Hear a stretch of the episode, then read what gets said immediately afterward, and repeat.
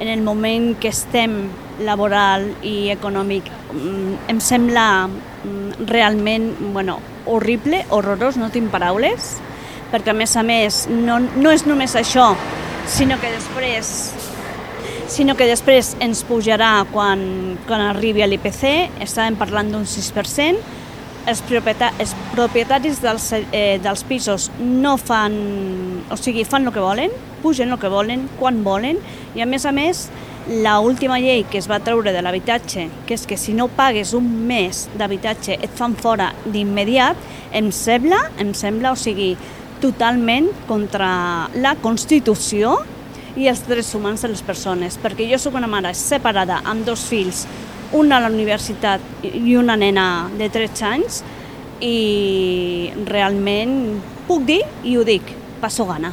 No, no, és que no es pot, no es pot aguantar.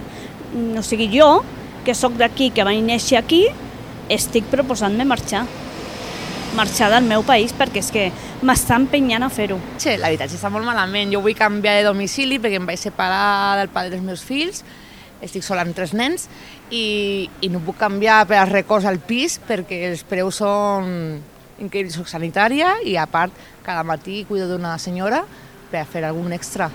I el que em surti estic fent treballs d'extras també perquè clar, és insostenible i els preus pugen, pugen, els sous no... Bueno, ja saben el que n'hi ha. un altre cop, no? A principi d'any. Bueno, pues nada, que pugi, que pugi, que pugi. Tot, de, tot del de standing.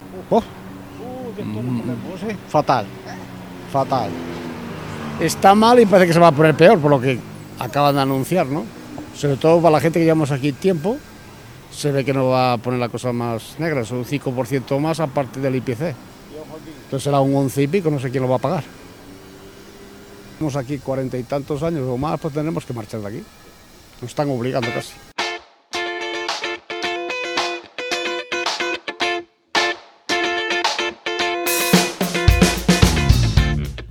Se'n diu pobresa invisible, gent que treballa però no guanya prou per viure amb dignitat.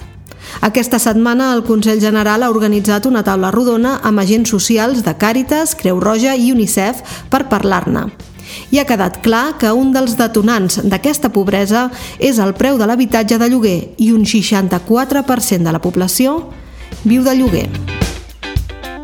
Doncs justament s'ha parlat d'aquesta qüestió un dia després que la ministra de Presidència, Economia, Treball i Habitatge, Conxita Marsol, presentés les mesures de govern per continuar prorrogant els contractes de lloguer un any més. Però, atenció, que no serà automàtic, s'haurà de demanar i, a més, s'acaba. El problema és que aquesta llei sigui la llei punt final a lo que és la intervenció del mercat de lloguer. Hem d'entrar a la normalitat. I no només això, sinó aquest cop les pròrrogues van lligades a un augment superior a l'IPC que a hores d'ara ja supera el 6%. Què ha canviat aquest any perquè el discurs del govern demòcrata hagi girat com un mitjó? Memòria i escoltem què defensava el cap de govern, Xavier Espot, fa menys d'un any, concretament el 29 de novembre del 2022. En tot cas, eh, sí que per resumir-ho, no? eh, les mesures versen al voltant de tres eixos, revalorització dels salaris, aquí ho veieu, actualització de les rendes del lloguer, evidentment, ho he dit abans, la revalorització dels salaris a ningú se li escapa que serà globalment més important que l'actualització de les rendes de lloguer, perquè crec que és el que calia fer en un context de dificultats per a les persones en situació de major vulnerabilitat com l'actual. Ha millorat la situació econòmica de les famílies aquest darrer any? Hi ha més habitatge de lloguer al mercat? S'ha moderat la inflació? La resposta és no a totes les preguntes. Aleshores, què ha canviat? L'única diferència és que l'any passat anàvem cap a unes eleccions generals i aquest any ja s'han guanyat amb majoria absoluta.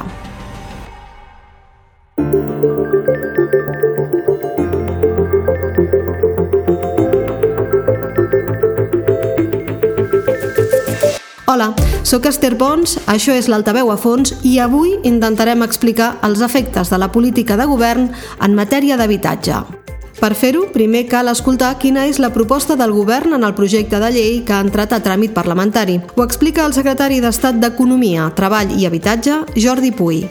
El règim de pròrroga i d'actualització de les rendes establert en el projecte de llei eh, és eh, inicialment el de llibertat de pactes, eh, però a iniciativa de la part arrendatària hi ha una graella de, de rendes, d'actualització de rendes i de pròrroga dins del termini de, de, de l'arrendament en funció de la data de celebració del contracte. Així doncs, els contractes celebrats al 2015 o anteriorment es preveu una pròrroga del contracte de 4 anys i una actualització de la renda per a l'any 2024 com a màxim del 5% més l'IPC corresponent a l'any a l'any anterior. Això és una actualització eh, màxima sobre la qual eh, el, les parts poden, poden eh, negociar, però com a màxim aquesta, aquest és l'increment. Per la, la data de celebració del contracte corresponent a l'any 2016, eh, la pròrroga del contracte és de 3 anys i l'actualització per l'any 2024 seria del 4% més, més l'IPC. Per l'any 2017, per, és a dir, pels contractes celebrats l'any 2017, la pròrroga del contracte s'estableix en dos anys, i l'actualització de la renda s'estableix en un 3% i l'IPC. Per l'any 2018, la, bueno, per l'any 2018, és a dir, per als contractes celebrats l'any 2018, la pròrroga del contracte és d'un any i l'actualització per l'any 2024 seria del 2% més l'IPC i per la data de celebració dels contractes del 2019 la pròrroga seria per un any i l'actualització de la renda seria d'un 1% més l'IPC. Sí que és veritat que en relació amb aquesta, amb aquesta graella d'actualitzacions hi ha un matís i és que si la renda eh, que es paga actualment és inferior a 6 euros per metre quadrat i opera la pròrroga, que és a iniciativa de la part arrendatària, és important subratllar aquest aspecte, la part propietària, en aquest cas, pot actualitzar la renda com a màxim un 6% més, eh, més l'IPC. Anem a PAMS i recopilem algunes dades facilitades pel mateix govern. A Andorra hi ha 39.000 llars, de les quals 25.000 són de lloguer. És a dir, que l'habitatge del 64% de la població a Andorra està subjecte a la llei d'arrendaments i l'evolució del mercat immobiliari. Dit això, les dades més recents de les quals disposem són del 2021 i indiquen que aquell any el preu mig de l'habitatge de lloguer amb contractes vigents era de 8,3 euros al metre quadrat però els arrendaments que es van signar aquell mateix any ja tenien un preu més elevat, concretament de mitjana costaven 10,2 euros al metre quadrat. D'això ja fa dos anys i els preus han continuat pujant. Però quedem-nos amb aquestes xifres i posem un exemple. Si el 2021 teníem un contracte vigent, pagàvem 747 euros per un pis de 90 metres quadrats però si entràvem a viure en un pis igual aquell any, ja en pagàvem 918. Això són 171 euros més al mes, més de 2.000 euros més l'any. I si seguim amb aquest mateix exemple, què ens suposarà la llei que proposa govern? Doncs si el 2021 pagàvem 747 euros, tenint en compte els augments de l'IPC del 2022 i el 2023, avui en dia ja paguem 806 euros mensuals, si a aquesta xifra hi afegim l'IPC d'aquest any, que ja és del 6,1%, més un 5% més en el cas dels contractes més antics, doncs ja estem parlant que el 2024 passarem a pagar 894 euros. Al final de l'any, això suposa una despesa addicional de 1.056 euros. Cert que en aquest cas el lloguer es prorroga 4 anys, però cal recordar que cada any el preu continuarà augmentant al ritme que ho faci l'IPC, perquè els contractes es prorroguen però mai s'ha deixat d'aplicar l'augment de l'IPC. Només l'any passat es va aprovar que fos inferior. Aquest increment en famílies ja tensades és assumible, segons la ministra Marsol. I si partim de la base de que el salari mínim a Andorra està sobre els 1.300 euros, una mica per sota, però que el salari, medià està a 1.900 i el salari mitjà ja està molt més alt, nosaltres hem fet l'operació de dir una parella que els dos cobren 1.500 euros, ja no posem més, estem parlant de 3.000 euros al mes i veiem que un 30% d'esforç el poden destinar a pagar un pis d'aquests preus que hem parlat, de 800, 1.000 euros. El que no poden fer és pagar un pis de, de 1.500, 2.000 euros, que és el que ara tenim com a mercat nou al mercat de lloguer. I l'argument és que al país hi ha feina, perquè jo ho he dit, ho he dit diverses vegades, no tenim un problema social. Aquí tothom treballa i tothom es pot pagar el pis. El problema és aquesta quantitat, aquesta diferència que hi ha entre el que és ideal, ide, ideal per dir-ho d'alguna manera, de la quantitat que es pot destinar al lloguer sobre el que, lo que guanyen les, les persones. Es parla, però, de llars on hi ha dos adults. Què passa en llars monoparentals on només hi entra un sou? O què els passa a les persones que viuen soles amb el salari mínim o fins i tot mitjà? Sobre aquestes altres casuístiques n'he volgut parlar amb el raonador del ciutadà, Marc Vila, que creu que el govern amb aquestes mesures demostra que vol desentendre's de la població més vulnerable.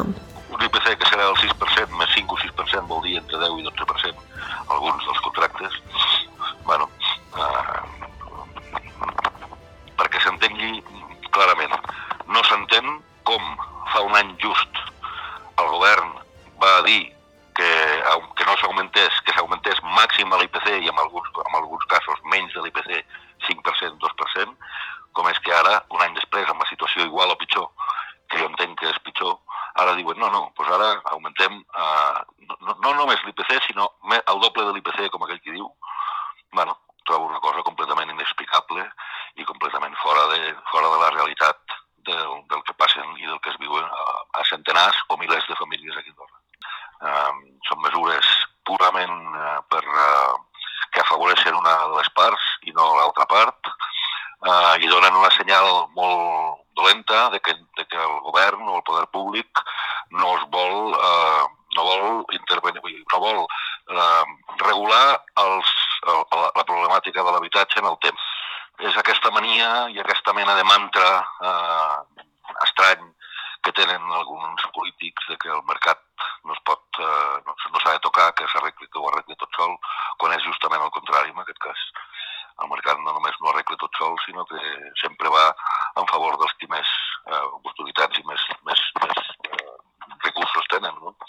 I per això, no està, per això estan els governs, per equilibrar, per equilibrar els, els, els termes per tant, és absolutament eh, inexplicable que, eh, que, que, que vulguin eh, rentar-se les mans. Jo, jo ho veig com un rentar-se les mans del tema de l'habitatge, cosa que és gravíssim.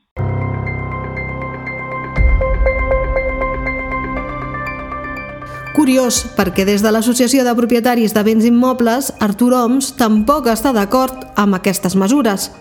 El so no és massa bo, així que pareu bé l'orella. Nosaltres ens davant de veïns lloguers un 16%, ni un 14, ni 12.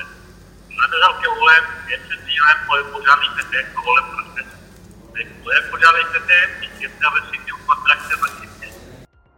El que demanen, doncs, és pujar l'IPC i que tinguin llibertat de rescindir un contracte quan ho necessitin. Durant la conversa, OMS també va reconèixer que es produeixen abusos i que són aquests abusos els que s'han de perseguir. Després continuarem escoltant el raonador del ciutadà, però aturem-nos un moment per demanar a un economista, Antoni Bisbal, quin efecte tindran aquests augments del lloguer sobre l'economia.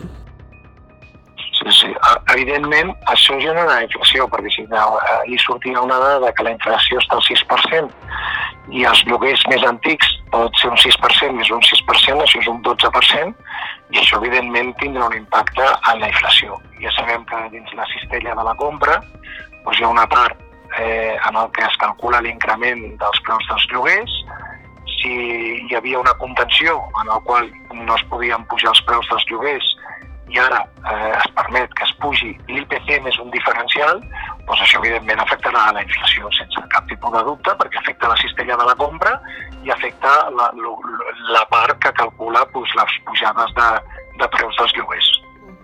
Bueno, ara s'ha de veure l'altra pota no, de, de, de l'efecte sobre els sous. No? O sigui, ara és eh, l'efecte que hi ha la inflació i, i els lloguers, els increments dels lloguers sobre les famílies, ara s'ha de veure com afectarà aquesta inflació les pujades dels sous. Vale? Si els sous es pugen per compensar aquest, aquest efecte de pujades de, de lloguers, doncs les famílies no veuran perdut el seu poder adquisitiu, però si les pujades de sous van per sota del que pugen els lloguers, evidentment doncs les famílies veuran minvat el seu poder adquisitiu. Hem de veure la negociació a tres bandes que té que fer de, els, els, els treballadors, els sindicats, juntament amb, amb els empresaris i, en el seu cas, si participa govern, a veure quan pujaran els sous a tots els treballadors.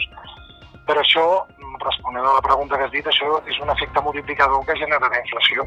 Pugen els lloguers, això afecta la inflació, pugen els sous, això afecta la inflació i és una espiral inflacionista. Ja veiem que Andorra la inflació en les últimes dades és elevat i bueno, això pues, no són bones notícies des d'un punt de vista econòmic. Bisbal ha introduït la segona pota de la problemàtica. L'any passat van a pujar més els sous que els lloguers i només ho va fer al nivell real de l'IPC el salari mínim.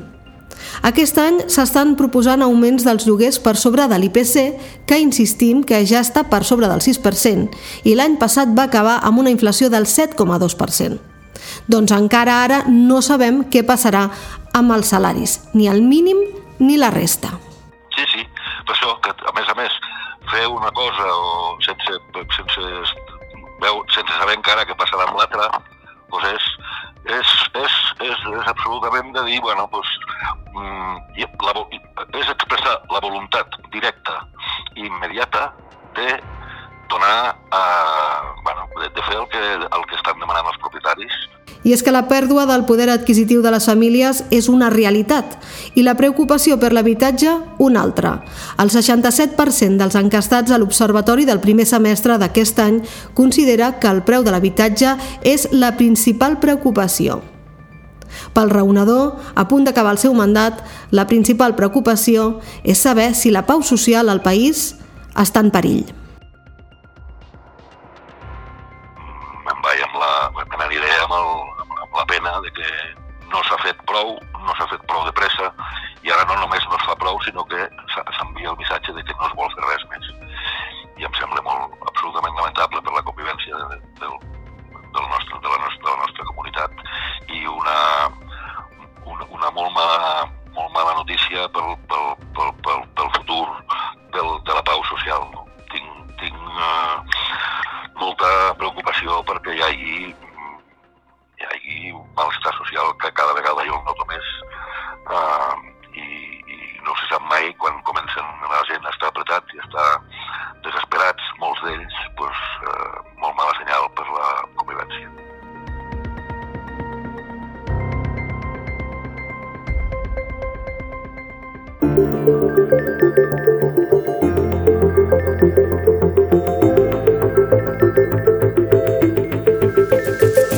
Això ha estat l'Altaveu a fons. Aquest episodi ha anat a càrrec de qui us parla, Esther Pons, amb la col·laboració de la redacció de l'Altaveu. Espero que us hagi agradat. La setmana vinent tornem amb més històries.